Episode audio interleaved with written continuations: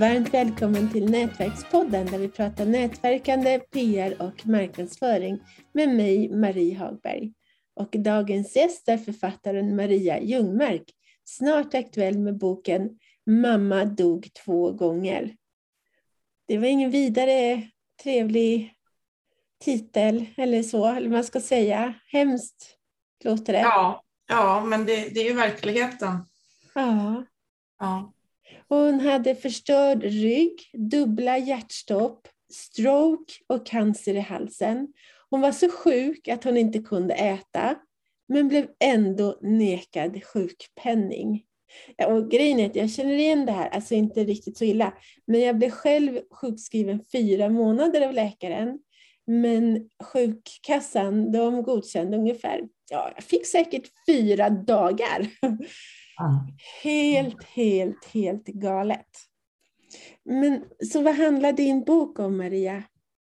Det handlar mycket om min resa i det här. Eh, hur jag hanterade eh, hennes sjukdom och eh, myndigheter, pappersarbete och, och försöka få rätt. Det är det jag... Varför skrev du den då? Mycket var ju att vänner runt omkring sa mig att det, den här historien den är så sanslös. Eh, vissa trodde inte att det faktiskt hade hänt. Eh, och sen var det ju ett, eh, för mig att bearbeta det, sätta ord på känslor under det som har hänt. Eh, så det var terapi. Och det tyckte jag det har, var nog det bästa för mig, för det är ingen som har kunnat hjälpa mig eh, inom vården. De har ju inte hört talas om något liknande. Det säger de ju själva. Jag tror inte ens att det finns någon idag som kan hjälpa mig för att det finns ingen som har erfarenhet av det här. Vad är det de inte kunde hjälpa dig med då, förutom att hon blev nekad sjukpenning? Jag menar kuratorer, man fick ju prata med det när hon drabbades av cancer, så alla som blir cancerdrabbade blir erbjudna att få prata med en kurator. Mm. Och då tyckte de även att jag skulle få prata med en. Ehm, och han hade läst mycket av journalerna, men han sa också det, jag har ingen erfarenhet av det här som har hänt. Så att inte ens de som är professionella eh, hade någon erfarenhet och kunde hjälpa mig och bearbeta trauman som jag har haft. Herregud. Hur, hur orkade du kämpa när du inte fick någon hjälp? Eh, jag tror redan från början, man får tunnel, eller jag fick tunnelseende att jag ska ta mig igenom det här och en vacker dag löser det sig ju. Eh, för ingenting är ju för alltid. Det kommer lösa sig men resan har ju varit väldigt lång. Ja, och sen åsidosätta allting som inte var viktigt utöver det. Ja. Alltså mitt egna liv också. Jag satte ju det på paus i över tre år. Det känner jag också igen. Jag, fick, jag hjälpte också min mamma under många år Alltså, hon hade det jättebra, men det var ändå att jag hjälpte henne under flera år. Ja. Så jag känner igen det där med att sätta livet på paus. När livet vänds upp och ner så måste man ju prioritera om. Eh, och sätta det som är viktigt i första hand. Gud ja. Ja, och det är det ju värt när det är ens mamma.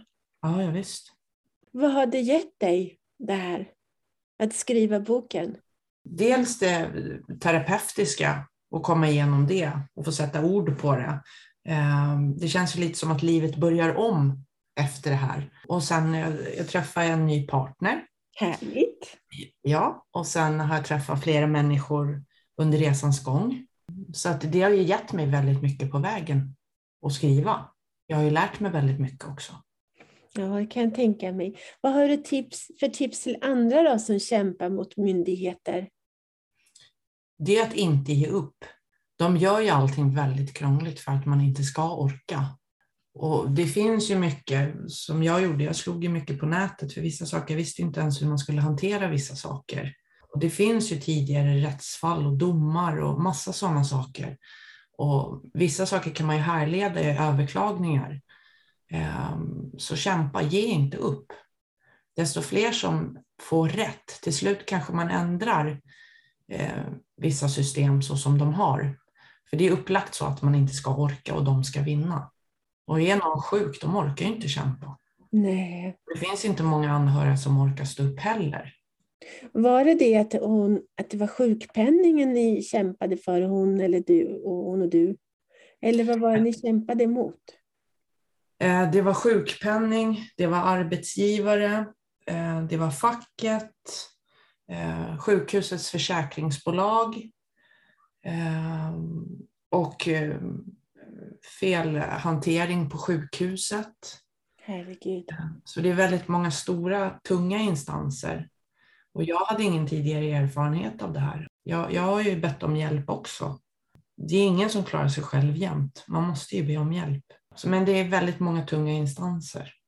Jag kan säga att efter mammas och mina erfarenheter, jag litar tyvärr inte på sjukvården längre. Jag gör inte det. Alltså Nej. de är jättebra att ha när man ska sy ihop saker, sy liksom mm. sådär. Absolut. Men när det gäller sjukdomar, nej, då håller jag mig borta, långt borta ifrån dem. Långt. Mm. Jag tänker nästan så när man går till läkare, då ska man redan veta sin egna diagnos. Ja. Få hjälp. Sen gäller inte det, det finns ju jättemånga fantastiska läkare. Mm. Men tyvärr vet jag inte, de var inte närvarande hennes, i början av hennes sjukdomstid. Det var ju därför det blev som det blev. Nej, men och sen så också, jag är så upprörd över att de, de ger, att de, det finns, som jag själv tar, jag tar jag fick bromsmedicin förut och det hörs ju på namnet bromsmedicin. Det är jävligt mm. allvarligt när man får ja. bromsmedicin. Ja. Och, och, eh, men jag kunde ju byta ut den där och den gav mängder av biverkningar. Men jag kunde ju byta ut den mot näringsdryck och CBD och må oändligt mycket bättre. Ja. Idag mår jag bra, till skillnad mot vad jag gjorde när jag fick det läkarna skrev ut.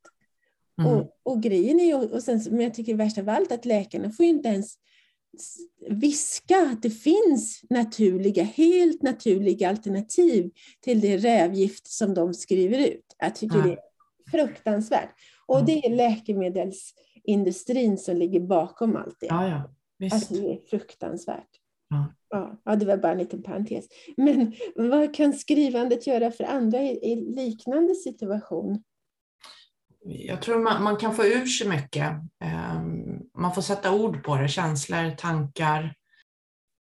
Istället för att bära det i ryggsäcken.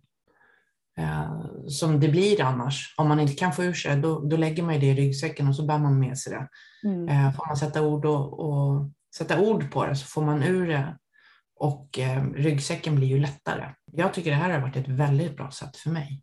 Det känns lite som att livet börjar om efter det här. Ja, jag förstår dig. Det, ja, det, det, det är mer ansträngande än man kan ana. Jag har ändå inte varit i närheten av lika mycket som du har varit, men det, jag, jag förstår det i alla fall. Det är, det är så mentalt jobbigt. Mm.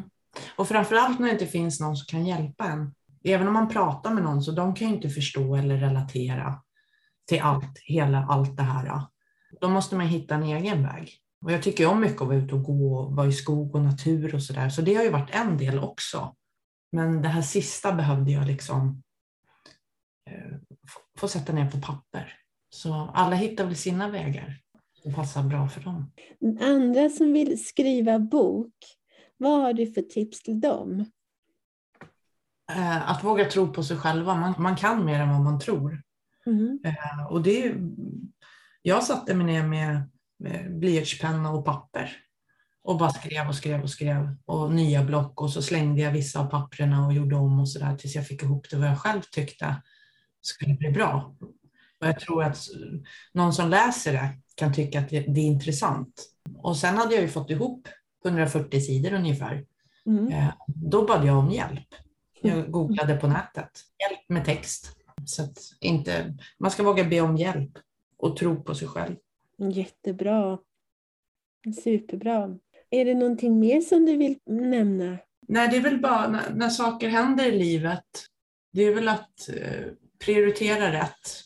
Se uppifrån, ner eh, och prioritera i rätt ordning och sen att allting, hur jobbigt det än är, det, det har ett slut. Ljuset kommer där framme, det, det löser sig. Mm. Men det kan vara väldigt, väldigt tungt under resans gång. Ja, gud ja. Fy så tungt. Usch. Mm. Ja. När kommer boken? Den släpps 1 augusti. Får du säga vad, vad förlaget heter? Lilla spöket. Åh, oh, vad gulligt förlagsnamn! Oh, vad härligt! Ja. då ser vi fram emot den här boken och hoppas att det är jättemånga tidningar och sådär som, som vill skriva om den. Ja, det hoppas jag med. Det är ett ja. viktigt ämne. Det är ett oerhört viktigt ämne, verkligen. Mm. Men stort tack Maria för att du ville vara med. Tack så mycket för att jag fick vara med.